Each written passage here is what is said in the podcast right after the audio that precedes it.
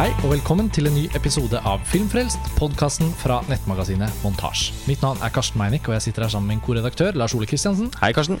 Og I dag skal vi snakke om en, eh, en vaskeekte filmklassiker.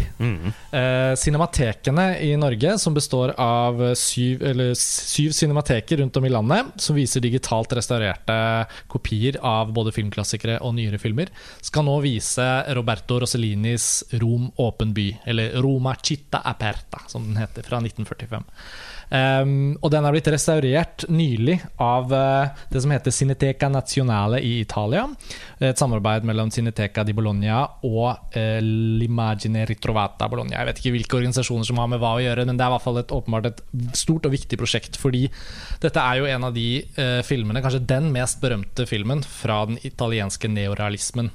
En eh, fase i filmhistorien som har hatt stor betydning på, på egentlig all film etter. Ja, og dette var jo på en måte Selv om kanskje Jeg føler vel i dag, blant et bredere lag av eh, folk, at sykkeltyven til Vittorio De Sica er den liksom selve referansepunktet til hva neorealismen er for noe. Men eh, Rom åpen by var jo gjennombruddet for neorealismen. Og ikke minst så var den jo en, altså en stor suksess. Det er jo vanskelig å forestille seg at en sånn film, særlig i lys av hvordan den ble oppfattet på den tiden, eh, kunne bli Altså mainstream ble den vel aldri, men den ble jo faktisk sett av veldig mange mennesker. Vi eh, gjorde litt research eh, før vi eh, hadde et gjensyn med filmen i forbindelse med denne podkasten, og da fant vi jo ut av at den hadde gått 20 måneder sammenhengende for fulle hus i New York. Ja, ikke sant? Den hadde hatt premiere der i februar 1946. Og det var til og med en menig fra den amerikanske hæren som hadde blitt venn med Rossellini i Italia på slutten av krigen, og, og fått liksom det for seg da, at den filmen må hentes til New York. Og innledet et samarbeid med en spesifikk kino der, og så hadde den blitt en enorm suksess. Og vi vet jo hva det ledet til. altså. Rossellinis karriere etter dette, brevet fra Ingrid Bergman, og forholdet dem imellom, filmene de lagde, etc. etc. For han personlig, da. Men filmen i seg selv Ja, og det, altså, bare når du nevner brevet til Ingrid Bergman, da, synes jeg det er morsomt å bare tenke at eh, det kan jo alle Jeg tror det det fins i den boken som hun har skrevet, selvbiografien hennes, som heter 'Mitt liv'. Men jeg er overbevist om at det sikkert bare er å søke på nettet, og så finner man dette brevet, som Ja. er så berømt. Men eh, det er morsomt at det representerer, tror jeg, opplevelsen til veldig mange som så de filmene da de kom. Hun skriver jo på en måte 'Kjære herr Rossellini, jeg har sett deres filmer.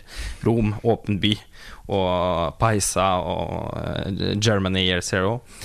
Og, og er helt slått i bakken av filmenes altså rå, råhet og altså den uflidigheten som, som opplevdes som veldig nyskapende. Da. Og hun sa jo basically bare at jeg, jeg pakker koffertene mine og kommer når som helst, bare du Hvis det er greit for deg at jeg kan spille i noen av filmene ja, dine. Og resten er, kunstneriske evner til disposisjon. nettopp, og resten er historie, mildt Ja. sagt. Jo, men altså, Det er jo en fin anekdote egentlig for å ta oss inn i filmen også. Fordi eh, det vi innså nå, da Mm. vi så den i sin nyrestaurerte prakt Og det må sies det er en formidabel restaurering. De har gått tilbake til originalnegativet. Så kopien som skal vises eh, rundt omkring på cinematekene i Norge, er jo helt Altså støvfri, nærmest, kan- om man kan si det på den måten. Men både du og jeg har jo gått eh, våre filmutdannelser, og eh, har jo hatt uh, møte med denne filmen tidligere som var betraktelig mer hårete og støvete. Og man kan jo også bare se for seg i hvilken stand den kopien i New York var etter å ha surret og gått 20, minutter, 20 måneder på samme projeksjonsutstyr. Så liksom Ja, for, altså Mitt minne om denne filmen er at den er vanvittig ruskete. Altså, og, og det korresponderer i mye større grad med myten om filmen, nemlig at da den kom, så ble den opplevd nesten som en ansamling newsreels som Ja. var klippet sammen. Altså Det var en, en, en realisme som var helt utenkelig utenfor en sånn reportasjesammenheng. Og det er jo interessant at newsreels i seg selv, altså denne eh, nyhetsinnslagslignende kinovisningskulturen som særlig under andre verdenskrig, og det får vi jo da bekreftet ofte i amerikanske filmer som handler om Nylig da i Hacksaw Ridge, som vi så i Venezia, ikke sant?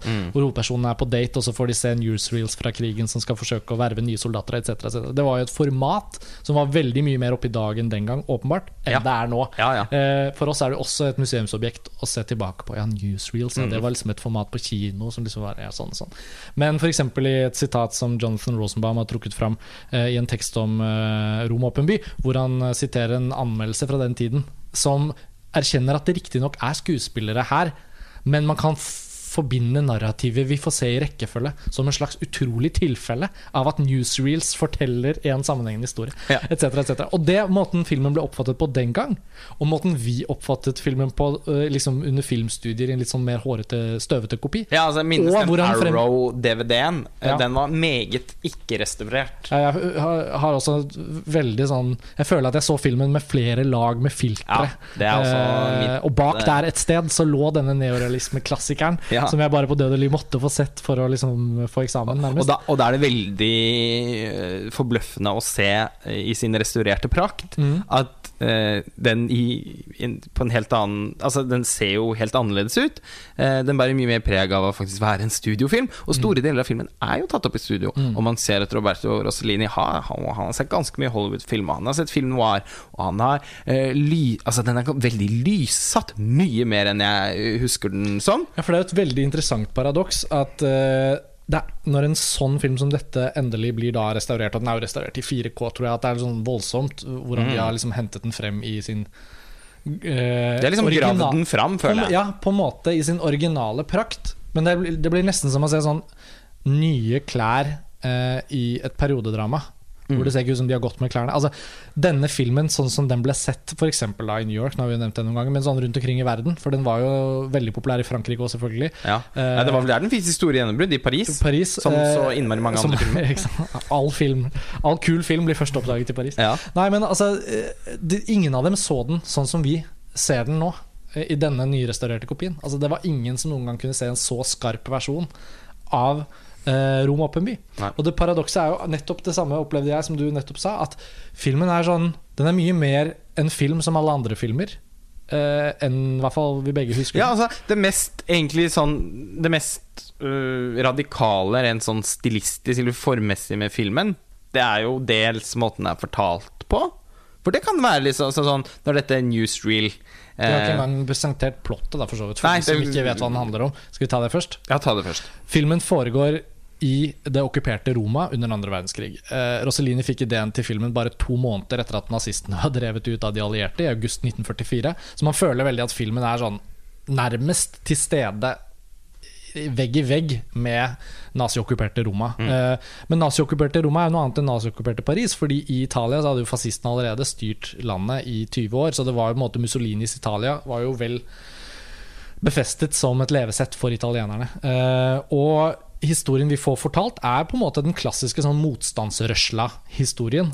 Som vi har sett i særlig mange filmer om den franske motstandsbevegelsen. Shadows Men Melville. til og med også, for å være Max litt Manus? bløt Jo, Max Manus, Ja. da. Det er det vi har av da nyere filmatiseringer om motstandsrørsla. Vi har jo også selvfølgelig filmen om eh, tungtvannsaksjonen og sånn, den første som ble laget bare noen år etter andre verdenskrig. Hvor mange av de gutta spilte seg selv og sånn.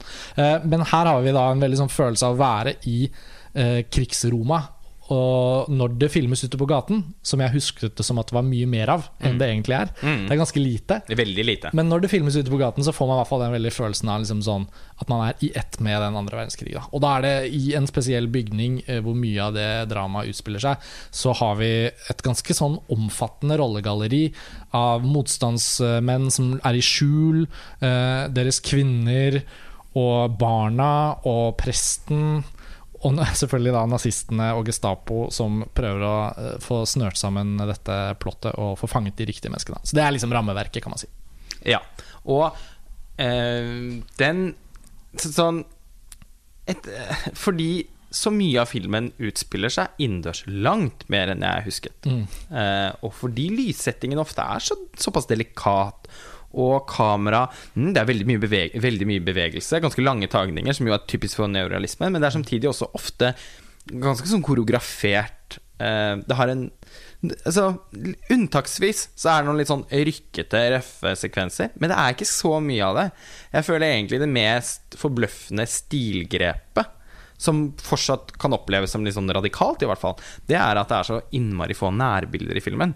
Eh, til og med i de Og kanskje særlig i de mest dramatiske situasjonene, så velger da Rossellini å ikke klippe til et nærbilde av et lidende ansikt, eller et ansikt som reagerer på eh, et overgrep. Eh, men isteden skildre det pragmatisk. Og det gjør at sjokkeffekten blir mye større. Altså, det er ikke noen, helt, noen hemmelighet, føler jeg, hvis man ikke går helt blankt i filmen, så er det ikke noen hemmelighet at det som man egentlig opplever som hovedkarakteren, spilt av Anna Magnani, blir eh, skutt og drept halvveis inn i filmen. Og det er jo Altså, det blir umulig å ikke tenke på Psycho, faktisk. Altså, det, eh, Rom åpen by er en av disse filmene eh, som det ikke er så altfor mange av, hvor faktisk hovedkarakteren forsvinner halvveis inn i filmen. Og, eh, og, og, den, og det er jo definitivt den, altså den mest ikoniske scenen fra Rom åpen by. Og, eh, og den er fortsatt veldig bemerkelsesverdig fordi at den, den er faktisk fortsatt liksom sjokkerende. Fordi at, fordi at det liksom Ja, hun blir skutt og drept, og så går liksom historien bare videre. Ja, for det er kombinasjonen av at eh, når du blir kjent med en person som er en så stor figur i en film, så får man jo også en nærhet til dem. Sånn er jo hovedpersoners eh, De har jo den psykologien på oss som tilskuer. Eh, Og det at en person man da blir kjent med, blir drept, er jo på en måte i seg selv eh, et slags sjokk. da Det Mm. bør være det, ellers så gjør filmen noe galt. Mm. Men det er nettopp det du sier, at eh, det er også der filmen girer inn det at den virkelig er en krigsfilm, føler jeg. Mm. Eh, fordi frem til da så er det mye sånn Det er mye italienere som roper og skriker på tvers av leiligheter, og tidvis elementer av humor. Ganske som, mye humor Ganske også. Mye ja, mer sånn enn jeg husker. Se på oss! Det er liksom så dutt, dutt, dutt, Og presten spiller fotball. Ja. Altså, den er jo så i tider så italiensk, den filmen. Og vi kommer eh, tilbake til det, for Fellini var jo en av de eh, som skrev manuset. Mm. Eh, Men for å avslutte den tråden, så vil jeg da bare si at scenen der eh, Anna Magnani, eller Pina som hun heter, rollefiguren, eh, blir drept, den kommer både ganske brått og Akkurat hvordan det er løst i kameraet, eh, er jo det som gir den effekten du beskriver, at filmen på en måte bare Hun blir drept. Ja, og da må vi fortsette, eller da må vi fortsette å følge de levende menneskene for å få historien. på en Mm. måte Og i det så gjør han jo selvfølgelig et grep som, som sitter igjen i resten av filmen i oss. Fordi hun løper etter eh, sin forlovede, som blir fraktet vekk av nazistene. Eh, Og fordi hun har på en måte revet seg vekk fra en soldats eh, grep og på en måte skaper oppstyr, og mange begynner å hoie og sånn, så blir det løst. Men man får ikke engang se at en soldat bestemmer seg, eller at noen blir kommandert til å skyte. Så det kommer også veldig brått, fordi hun bare løper etter bilen, og plutselig bare ratatat, kommer den maskinpistolen. Og så blir hun skutt i ryggen og rett i bakken, og sønnen løper bort. Og da er det ikke noe nærbilde, det er ikke et siste pust, det er ikke en Nei. siste replikk. Det er ingenting av det filmspråklige, konvensjonelle som vi da ville nesten forventet. Og i det ligger det sjokket, da, i alle de grepene der. Og, og det er jo litt sånn i tråd med hva slags type fortelling det er. Og det er jo liksom bredt anlagt. Veldig mange rollefigurer. Eh, den er jo liksom mest en skildring av en tilstand. Og tilstanden er jo da den åpne byen. Okkupasjonen. Det, eh, en, og det blir altså en by som på en måte har veivet med hvitt flagg og innsett at uh, de som Altså motstanderen som ønsker å okkupere byen, Mm. er i så Altså er i et såpass heftig flertall at det ikke er noe poeng i å gjøre motstand. Det gjaldt jo i Paris også under andre verdenskrig at da det til slutt var umulig å stå imot, så fikk jo nazistene egentlig bare gå inn i byen. Ja, Eh, for, og for å unngå civil, altså lidelser hos lokalbefolkningen og bombing av eh, byen, da, selvfølgelig. et, bare, det blir jo litt min tolkning, men et resultat av en sånn type invasjon, uh, dette åpen by-begrepet, uh, blir jo også at eh, eh, dødsfallene blir jo veldig få. Mm. Underforstått at motstands, de motstandsdyktige som kanskje ville stått imot, blir jo ikke da skutt og drept, men kan gå i, i skjul. Mm. Så det gir jo egentlig grobunn for at motstandsbevegelser kan finne en annen måte å stoppe okkupasjonen på. da Mm, og mobilisere. Og den første halvdelen av filmen eh, er jo en veldig sånn opptakt, hvor man ser liksom Det er også en gjeng eh, som er mye til stede i filmen. Altså En hel sånn flokk med barn, Mm. som på en måte også er en del av denne Mm. motstandsbevegelsen. Det var umulig å ikke tenke på den siste episoden i den siste sesongen av Game of Thrones. Her er det da spoiler warning for alle de som da eventuelt ikke har sett sesong 6 Game of Thrones, episode 10. Men, eh, så da kan dere hoppe over det de neste to minuttene. Men det var jo faktisk ganske interessant nå, Mm. fordi sesong 6 av Game of Thrones nettopp uh, har blitt avsluttet uh, eh, før sommeren. eh, og at vi ser nå at denne motstandsgruppen av barn eller barna har sin egen motstandsbevegelse, nærmest, innunder de voksnes motstandsbevegelse. Hvor de eh, holder på med et prosjekt i skjul og oppe på eh, hustakene og ned i gangene. Og plutselig har de gjennomført en sabotasjeaksjon mot en, mot en Er det togsett fullt av bensin eller et eller annet? Mm, mm. Og da fikk vi jo den samme følelsen Ja, ja, det var veldig Ja, de små spurvene. Rart hvordan Game of Thrones. det bit, ting Det er biter mange, seg jeg, jeg tror det er mange som har sett Rom åpen by på filmskole, for å si det sånn. Også folk som jobber med Game of Thrones. Ja, og Eh, og det, er jo også Altså sånn Denne filmen sin historiske posisjon Mm. er jo helt Altså den er, den er jo helt spesiell. Og Rossellini laget jo filmen for å gi et mer nyansert bilde av italienernes lidelser under krigen. Altså, de var jo Altså, de var jo fascister. Mm. Så Altså, eller nasjonen hadde bestemt seg for at, Ja. at, eh, at de var en fascistisk nasjon under Mussolini. Mm. Så farge, jeg mener Mussolini var vel også øh, Må jo ha vært forhatt som en del av fascistene i Europa i forkant av andre verdenskrig òg. Noe annet er det vanskelig å forstå. mm. Med Franco i Spania som beseiret motstanden under den spanske borgerkrigen i forkant av andre verdenskrig. Mm. Og så med Hitler og Mussolini. Ja, Så italienerne sto nok ikke sånn sterkt i folks bevissthet. Nei. Og, eh, og man har jo da liksom Altså, man har jo tenkt på de som en slags Altså en av de allierte med ondskapen. Eh, så han laget jo denne filmen for å vise at lidelsene blant eh, sivile i Italia også var betydelige, da. Men han lagde jo også da filmen 'Germany Year Zero' et par år etterpå.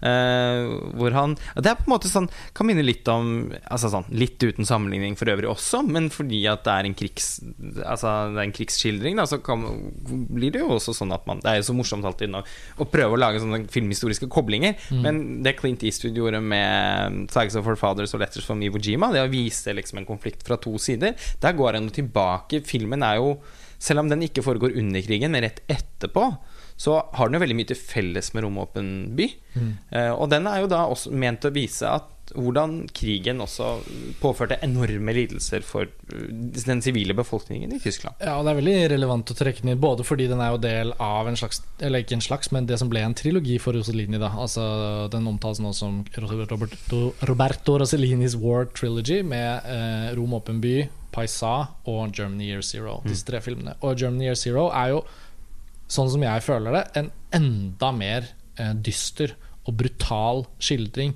Og den filmens realisme føles nesten eh, Den føles så hudløs at man på en måte eh, knapt kan liksom akseptere de lidelsene vi får se, selv om det er tyskerne som på en måte er skyld i krigen. Men det er jo de vanlige menneskene.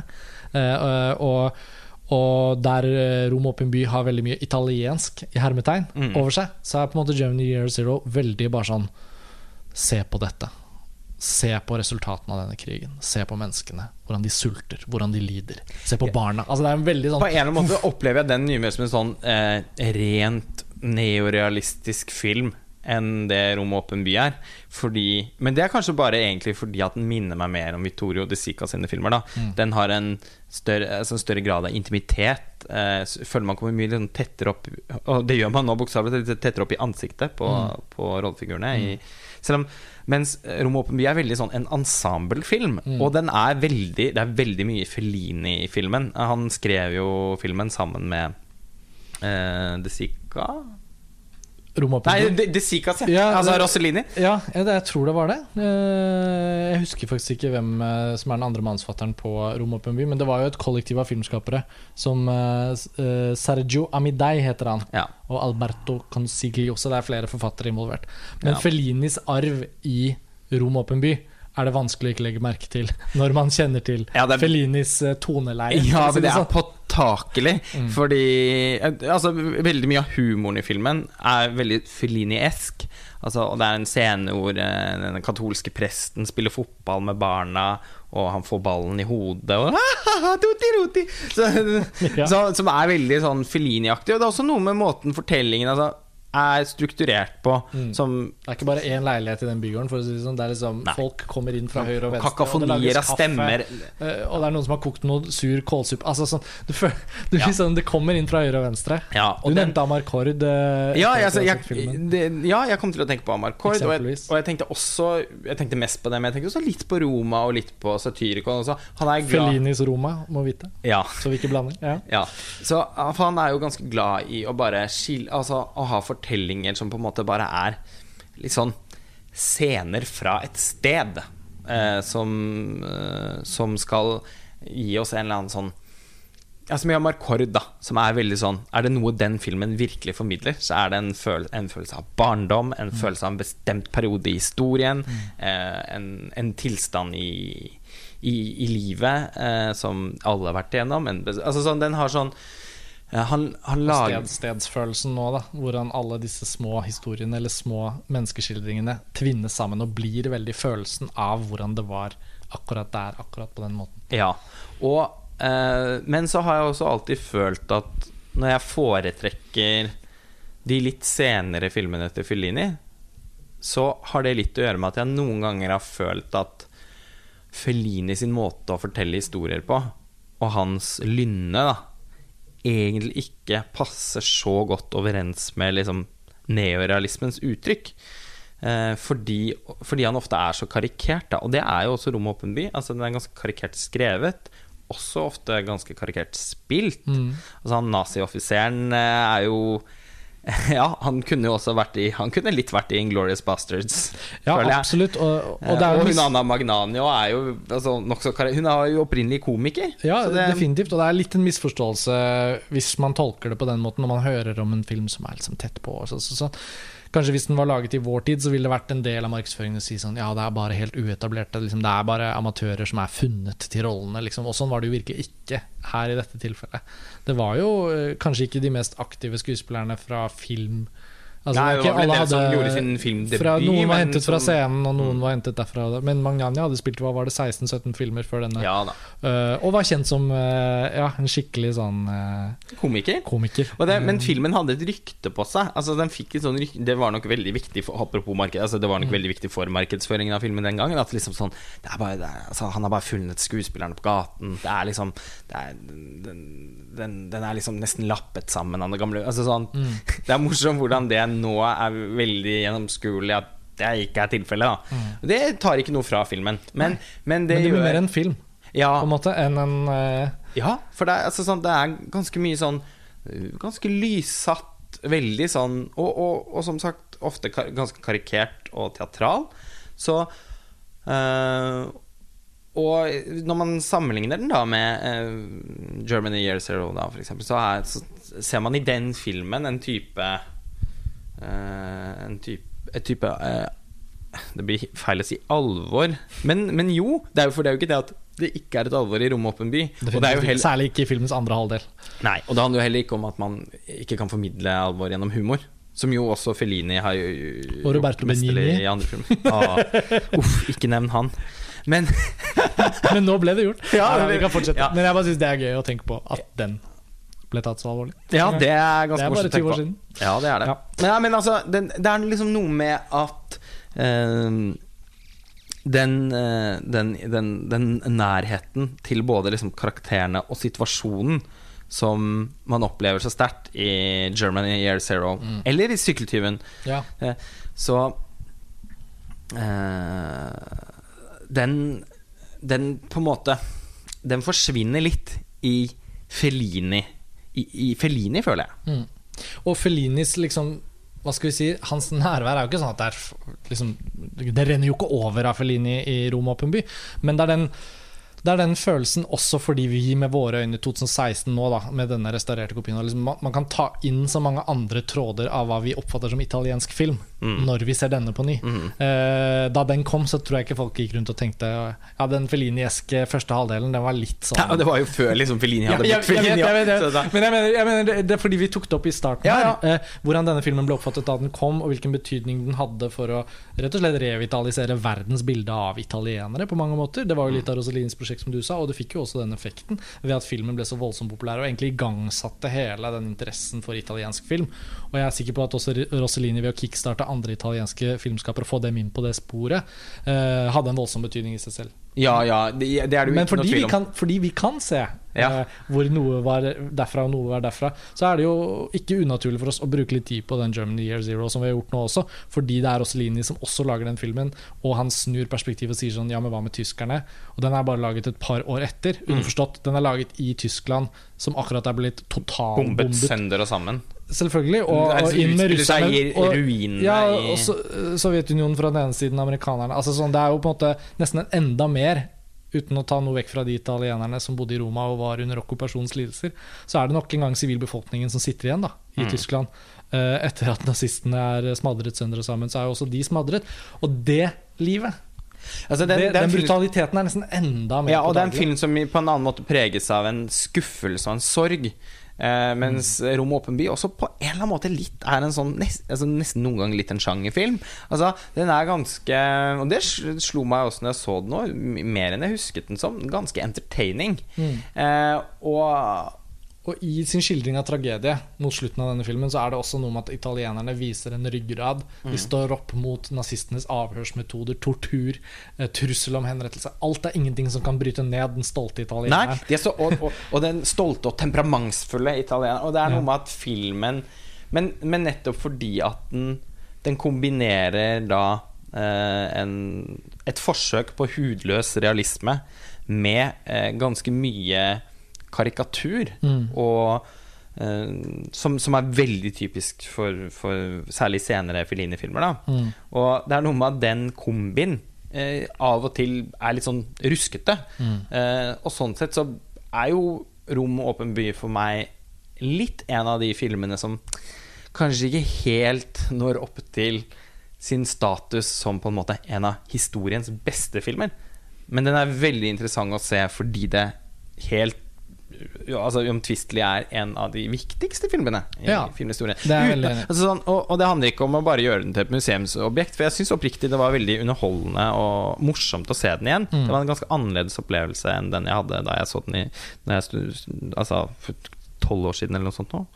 Uh, men uh, Men når det er sagt, på en måte, Mm. så er det Jeg, jeg syns det er en film som tjener veldig på å at, at man kjenner til konteksten og, og kanskje liksom leser seg litt opp både før og etter man ser den. Mm, enig. Uh, vi har jo bestemt oss for å begrense oss til en halvtime i akkurat denne episoden. Uh, og Det er det flere årsaker til. Fordi at Ved å snakke om Rom Open by, så er det så lett å gå ned alle de veiene man kan ende opp med å gå. Uh, det er jo de to andre filmene i krigstrilogien, og det er Rossellini som filmskaper, som vi kanskje ikke har gått så voldsomt mye inn på, eh, og neorealismen i sin øvrighet. Og du kom jo litt inn på sykkeltyvene eh, til De Sica, og jeg syns også hans Umberto D. Bare for å få nevnt dette. Jeg har alltid Mm. blitt så utrolig rørt av den. Ja, det er en veldig Eh, gripende og, og, hvis, og hvis vi på slutten av denne episoden kan liksom slenge inn et par andre filmer som kanskje Hvis folk ser Åpen by og får lyst til å ikke har gjort det før, da og lyst til å ta det neorealisme-dypdykket, så syns jeg den er kanskje den aller mest gripende på et sånt veldig sånn Men bare en menneskeskjebne. Eh, og eh, liksom det gammel mann og hund-narrativet, som jeg bare syns er så gripende. Jeg følte jeg bare måtte nevne den, ikke, vi har ikke vært innom neorealismen så veldig ofte på Filmfrelst, kan man si. Og jeg tror det at cinematekene nå løfter frem Rom åpen by, er jo også et vindu og en anledning eh, til å begynne å se filmer fra denne epoken. Eh, jeg tror at det er Rom åpen by som er en Det er en veldig bra inngang, for det sier noe også om at Italia kom ut av andre verdenskrig i et visst eh, Ikke si humør, men sånn de kom ut av det i en viss setting som som var rammeverket for veldig mange av de fortellingene som skulle komme da, i årene som fulgte. Ja, og nettopp fordi filmen er som den er, så vil den nok også ha vært Altså Den var nok en ganske viktig sånn eh, Jeg tipper at alle som så den den gangen ja, altså, Den gjorde inntrykk sånn, altså, Den ble opplevd som ganske rystende film, men fordi at den også har så høyt tempo, og er så eh, og, og, og har såpass mye sånn overskudd, og som vi sa i stad, sånn italiensk temperament og, og, og, og ganske mye humor, så, så var det nok også en film som eh, det, det ble ikke som en sånn flaske med tran for de som gikk Nei. og så den. Og det var nok eh, ves, veldig vesentlig for at neorealismen fikk det Altså det gjennombruddet som den, som den gjorde. Det er morsomt. Jeg måtte bare google opp det, for jeg innser jo at jeg hele tiden har sittet og sagt 'sykkeltyven'. Og så blir jeg alltid altså, Det er jo selvfølgelig sykkeltyvene, men, så, men er det sånn at den heter 'Bicycle Thieves', men sykkeltyven på norsk det, Men nei, det Det er, er sykkeltyvene. Ja, for det er jo Ja, flertall. nettopp. eh, Det er jo hvis man Når man tenker på det plottet. Tok slutt. plutselig i det. Ja. Ok, men det var egentlig eh, Det var egentlig et greit sted å avslutte, tenker jeg. Fordi Mm. nettopp, som jeg sa i stad, at vi kan jo stå i fare for å liksom prate det litt i hjel også. Fordi det er så mange filmer som dukker opp når man først starter. Så la oss heller bare avslutte her, og så kan det jo være en motivasjon både til lytterne våre og til oss å kanskje eh, hente opp igjen noen av disse neorealismeklassikerne i etterkant av at Romåpenby by er blitt eh, cinematekene aktuell her i Norge i høst. Eh, som vi har skrevet om tidligere på montasje, så er det altså sånn at cinematekene pga. Verdensteatret i Tromsø sitt 100-årsjubileum, går eh, gjennom filmhistorien eh, høsten 2016, tiår for tiår. Eh, så 1940-tallet er jo da altså markert av Otto Premingers 'Laura', som vi har skrevet om på montasje forrige uke, og nå eh, 'Rom åpen by'. Så de to filmene er jo nesten laget samtidig og er ganske så forskjellige. Så det er jo en annen måte å også koble filmer sammen på i filmhistorien. Uh, det var det. Vi er veldig snart tilbake. Vi er veldig snart tilbake her på Filmfrelst. Takk for at dere hører på, og ha det bra. Ha det bra.